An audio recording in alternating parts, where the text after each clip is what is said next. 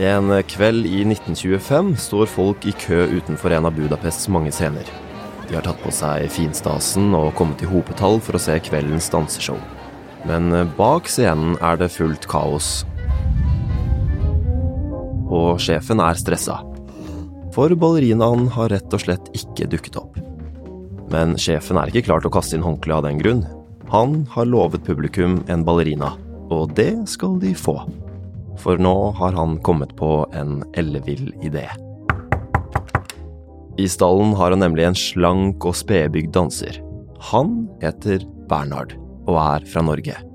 Hva om nordmannen tar på seg kvinneklær og stepper inn for ballerinaen som showets stjerne? Du hører på Skeiv og stolt, en podkastserie fra Nasjonalbiblioteket med Carl Martin Eggesbø. Dette er episode én om Norga, Bernhard Munkerud. Noen av sitatene i denne episoden er lest inn av skuespillere.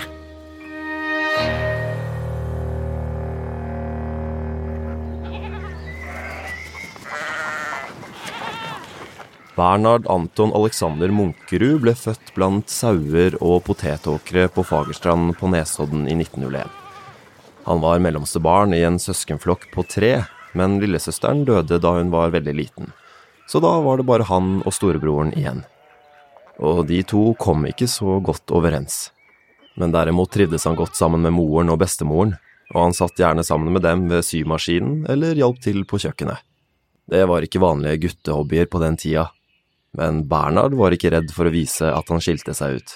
Han gadd ikke engang å late som han var interessert i skøyter og fotball som de andre guttene, og hvis han løp etter jentene, var det i hvert fall ikke for å flørte, for Bernhard likte gutter. Det kan nok ikke ha vært bare lett å være så annerledes på landsbygda i Norge på begynnelsen av 1900-tallet, for da Bernhard ble konfirmert, kunne han ikke komme seg fort nok ut av potetåkeren. Så i 1916 pakket han sakene sine og satte seg på båten til Kristiania.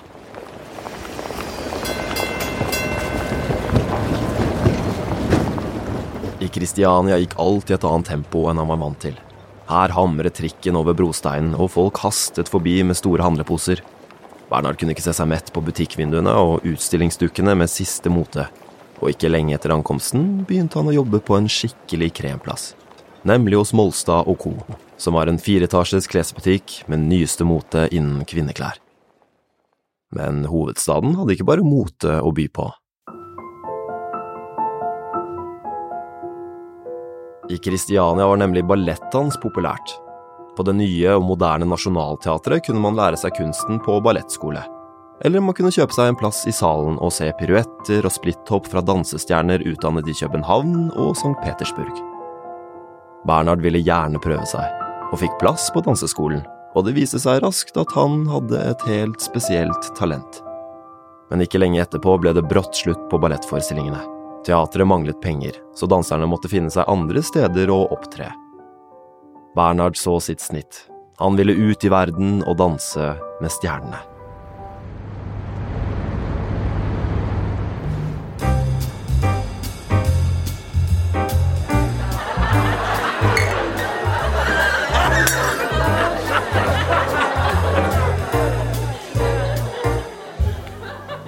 For en ung danser fra Norge var København midt i smørøyet.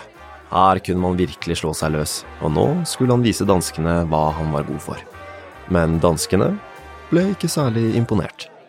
Ballettdanseren Ben Monkel er nå av det lengste, tynneste og mest upåkledte der har prestert danset sammen med Else Hammer. Men noen dårlige anmeldelser var ikke nok til å ta motet fra Bernhard. Han bare fortsatte å øve, og etter mange timer med øving og danseshow fikk pipen en annen lyd hos anmelderne.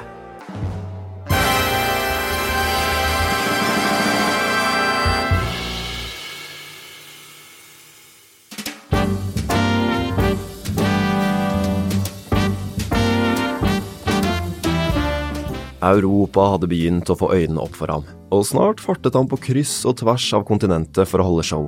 Den unge danser har gjort stor lykke på Det norske Nationaltheater og andre scener. Er nå på vei til Düsseldorf, hvor han er engasjert, og hvorfra han tar til Berlin, Köln og Berlin.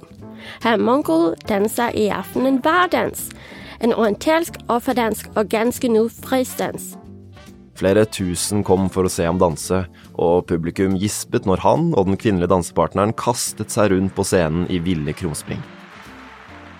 Det var mange nye inntrykk å ta inn for en bondegutt fra Norge. Moderne kunstnere og intellektuelle diskuterte seksualitet på puber i Praha og Krakow. Og kinoer, dansehaller og jazzklubber poppet opp som paddehatter i Berlin, Paris og London. I byene var middelklassen på vei opp. Kvinnene trakk på seg silkestrømpene og krøllet håret, og mennene børstet hattene før de satte seg på undergrunnsbanen til sentrum for å la seg underholde. I Berlin kunne man besøke Haus Vaterland, et enormt underholdningspalass komplett med kino, dansehall, cowboysaloon og japansk tehus. Eller man kunne driste seg til å gå på homsebar, der menn danset med menn og kvinner danset med kvinner. Endelig hadde Bernhard funnet sin plass, der det ikke bare var innafor, men bra å være annerledes. Hele kontinentet var tumleplassen hans, fra Berlin til Budapest. Men en kveld han skulle opptre, skjedde det noe uventet. Ballerinastjernen som Bernhard hadde danset med i flere måneder, dukket plutselig ikke opp. Det var eh, krise.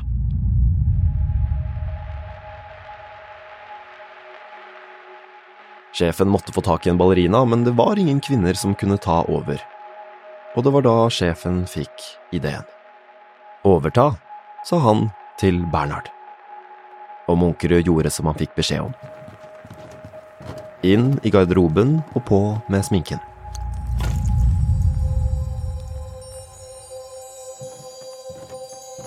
Han var ikke til å kjenne igjen da han like etter entret scenen i fullt ballerinakostyme.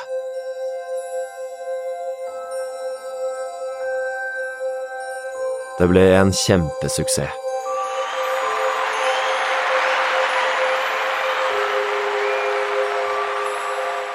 Bernhard strålte som ballerina, og med det hadde han endelig funnet sin nisje. Dette skulle han fortsette med. Men for å ta verden med storm var det én ting han måtte gjøre. Nemlig å kvitte seg med det kjedelige norske navnet Bernhard Munkerud. Fra nå av insisterte han på å bli kalt Norga.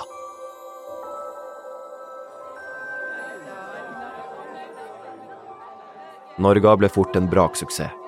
Mannen i kvinneklær ble det store trekkplasteret på de fineste og mest eksklusive stedene. I Tyskland og Østerrike fikk han dessuten tilnavnet Das Wunder, vidunderet. Det var få som skjønte at det skjulte seg en mann under den feminine looken med blondekrøllene sine og de rådyre kostymene. På noen av showene tok han av seg parykken og avslørte det til slutt, til gisp og applaus fra publikum.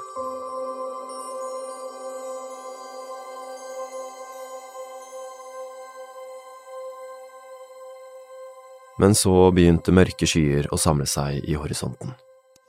Meine Arbeit für richtig. Ob du glaubst, dass ich fleißig gewesen bin, dass ich gearbeitet habe, dass ich nicht in diesen Jahren für dich eingesetzt habe. Den mørkeste skyen av alle hadde form av et hakekors. For samtidig som Norge var på høyden av karrieren, kom Adolf Hitler til makten i Tyskland. Han hadde kjent Berlin så godt, men byen endret seg dramatisk da Hitler kom til makten. Diktatoren ville tilbake til de tradisjonelle kjønnsrollene. Kvinner skulle føde barn og stelle hjemme, og menn skulle være menn og forsørge familien. Det var med knallhard rasehygiene at den ariske rase skulle vokse seg sterk, og da var det ikke lenger plass til skeive fristeder og homsebarer. Så superstjernen Norga bestemte seg for å stappe fjærboerne i kofferten og vende nesa hjemover, mot landet han forlot for 16 år siden. Og det gjorde han ikke et øyeblikk for sent. For i 1934, det år han reiste hjem, startet en aktiv forfølgelse av homofile i Tyskland. Men hjemme i Norge tok det ikke lang tid før han innså at hjemlandet hang litt etter resten av Europa. Nordmenn var rett og slett litt trauste. Annerledeshet og seksuell frigjøring sto ikke øverst på agendaen til denne saueflokken her, og Norga følte seg nok ganske alene om å bryte med de tradisjonelle kjønnsrollene. Han som for kort tid siden ble jublet inn på scenen og applaudert nettopp fordi han var annerledes og eksotisk, var plutselig for eksotisk her i Norge. Publikum var delt. Noen lo og lot seg begeistre av mannen i dameklær, mens andre syntes de lettkledde dansenumrene var umoralske og naturstridige. Danseren Norga var noe av det sletteste vi har sett. Slik noe burde anstendighetsvis ikke ha lov til å opptre på en scene. Selv moren hans syntes at han dro noen av numrene litt langt, og som om det ikke var nok, begynte kroppen å motarbeide ham, og et benbrudd satte en effektiv stopper for dansinga. Men heldigvis hadde Norga flere S i ermet. Han fikk jobb som kostymesjef på Oslo Nye Teater, og antrekkene han hadde sydd til turneen i Europa, kom endelig til sin rett.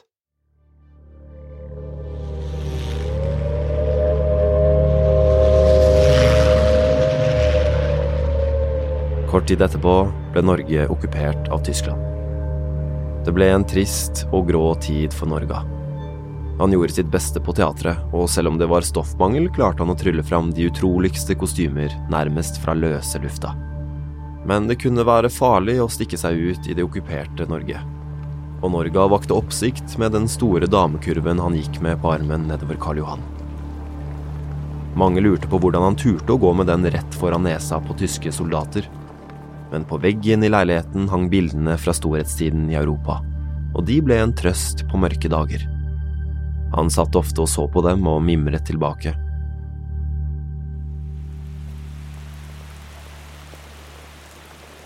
Jeg føler meg som en 17-åring ennå. Da jeg la opp for ca. tre år siden, var det på grunn av beinet. Det har blitt litt bedre i det siste, og jeg har begynt treningen. Jeg lengter tilbake til artistlivet. Enten skal jeg på gamlehjem, eller begynne å danse igjen. Men da krigen endelig var slutt, hadde han fått tenkt seg om. Norga likte seg best i paljettkjoler og fjærboaer, men på norske scener ville han ikke stå lenger. Dessuten var han lei av trangsynte nordmenn. Nei, dem er så tjukke i huet. Det må liksom noe større til. Hvis man bare fikk lov til å være menneske, var det ingen sak her. Det er det som er så håpløst i Norge. Her må du ta på deg snipp og slips for å gå ned og kjøpe Aftenposten. Så Norga begynte å se seg om etter en vei ut i verden igjen. Men hva skulle han gjøre, nå som han hadde lagt danseskoene på hylla? Norga sendt ut følere til de mange kontaktene sine i showbiz, og etter hvert fikk han høre at det var flere som trengte privatsekretærer og butlere i Hollywood. Det hørtes ut som noe for ham. Så en februardag i 1953 låste han døra til leiligheten, og noen timer senere var han klar for takeoff fra flyplassen på Fornebu.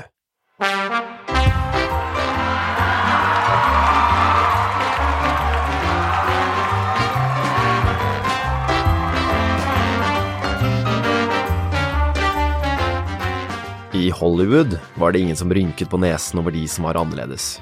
Faktisk var alle litt eksentriske, og det gjaldt ikke minst homoikonet Judy Garland, som Norge har begynt å jobbe for. Man skulle lete lenge etter en mer eksentrisk arbeidsgiver. Her hadde han virkelig skutt gullfuglen. Hun kalte meg ikke Norga, hun kalte meg Bernard. Og hun sa det jeg, første gang jeg skulle servere henne breakfast, så skulle hun ha eh, egg og bacon. Jeg sendte det opp som normale mennesker gjør, og hun ringte ned og sa 'please, Norge, Bernard'. Burn it, burn it, burn it. Men jeg var heldig, for vi hadde en nurse, og hun sa det. Brenn det, brenn det, brenn det. Og jeg sendte det opp.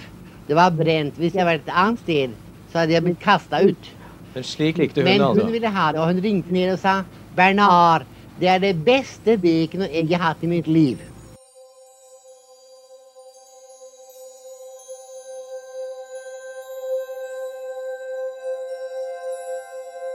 Nå levde Bernhard Munkerud fra Nesodden igjen the time of his life. Det fantes ikke noe bedre sted for en som var glad i glitter og glamour og trivdes best med fjærboa og leppestift. Marlon Brando, Marilyn Monroe og Audrey Hepburn, alle de største stjernene var i Hollywood. Og når de kom på besøk til Judy Garland, var Norga på plass med sitt bredeste smil.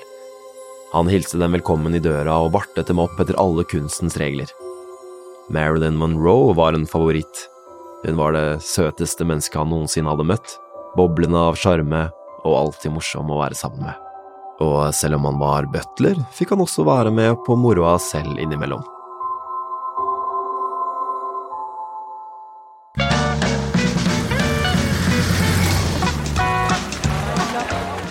Han var på cocktailpartys med mange hundre gjester, og traff også stjernene på tomannshånd. Villaene de bodde i, var helt overdådige med svømmebasseng og svære parkanlegg. En av de han likte aller best, var skuespilleren Joan Crawford, som han kalte for sin hjertevenn. En gang han var hjemme i Norge på et sjeldent besøk, fortalte han om hvor mye bedre han hadde det sammen med stjernene i Hollywood enn hjemme i Norge. Jeg teller på knappa til den dagen jeg kom hjem i Jaguaren og swimmingpoolen igjen. Nå først ser jeg hvor fælt det er her i byen. Jeg sa til Jon da jeg skulle reise. Jeg gruer meg som ei bikkje. Og Bernhard Munkerud holdt seg stort sett unna gamlelandet. Jeg synes folk er så sure at uffa meg. Det jeg mener er at jeg synes det er trist her. Rent fælt å se så mange triste mennesker. Og så dyrt det har blitt her hjemme. Men det verste synes jeg at folk bryr seg så fælt med allting. Der borte bryr ingen seg om en. Åssen en ser ut, eller noe. Det var bare én ting han savnet ved Norge, og det var kjøttkaker med kålstuing. Der borte er det så mye salater og så mye greier og sånn. Men savnet av kjøttkaker var tross alt et lite problem i et liv som ellers bød på både dristige cocktails og lekre kanapeer. Norga var akkurat der han skulle være. Men en dag skjedde det noe som rykket ham ut av Hollywood-drømmen.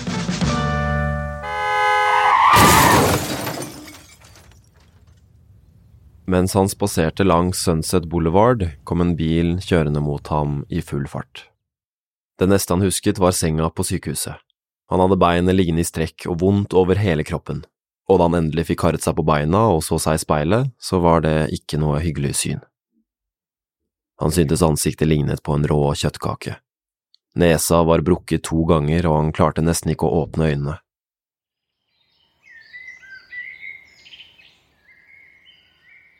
Sykehusbesøket ble svimlende dyrt, og selv om han ble helt frisk igjen etter hvert, bestemte han seg for at eventyret i Hollywood nå var over.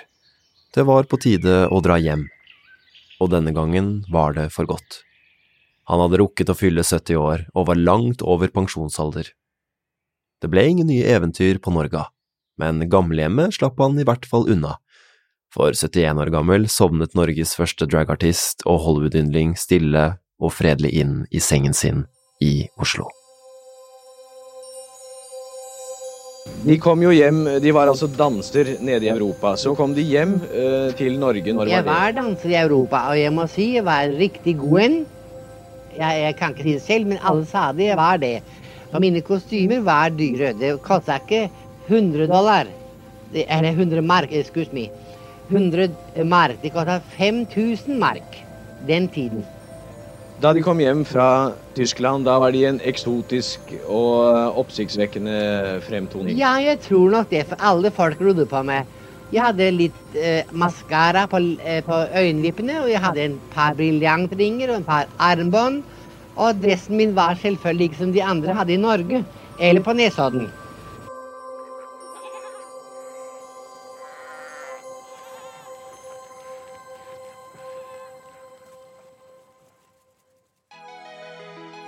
Du har hørt en episode av Skeiv og stolt, en podkastserie fra Nasjonalbiblioteket. I neste episode får du høre historien om Petronelle Nilsen. Både venninnene og søstrene begynte å legge merke til de unge mennene på festene. Men uansett hvor kjekke alle de andre unge kvinnene syntes mennene i alle disse selskapene var, så var ikke Petronelle interessert. For Petronelle hadde innsett noe. Hun var tiltrukket av kvinner. Det var Carl Martin Eggesbø som fortalte historien. Skuespillere var Katrine Bernts, Lars Hamren Risberg og Egil Johannessen. Episoden er laget av Lars Hamren Risberg, Emmy Henriette Netka, Lars Haga Råvand, Live Fedler Nilsen og Ragna Nordenborg. Konsulent på episoden var Berit Hedemann.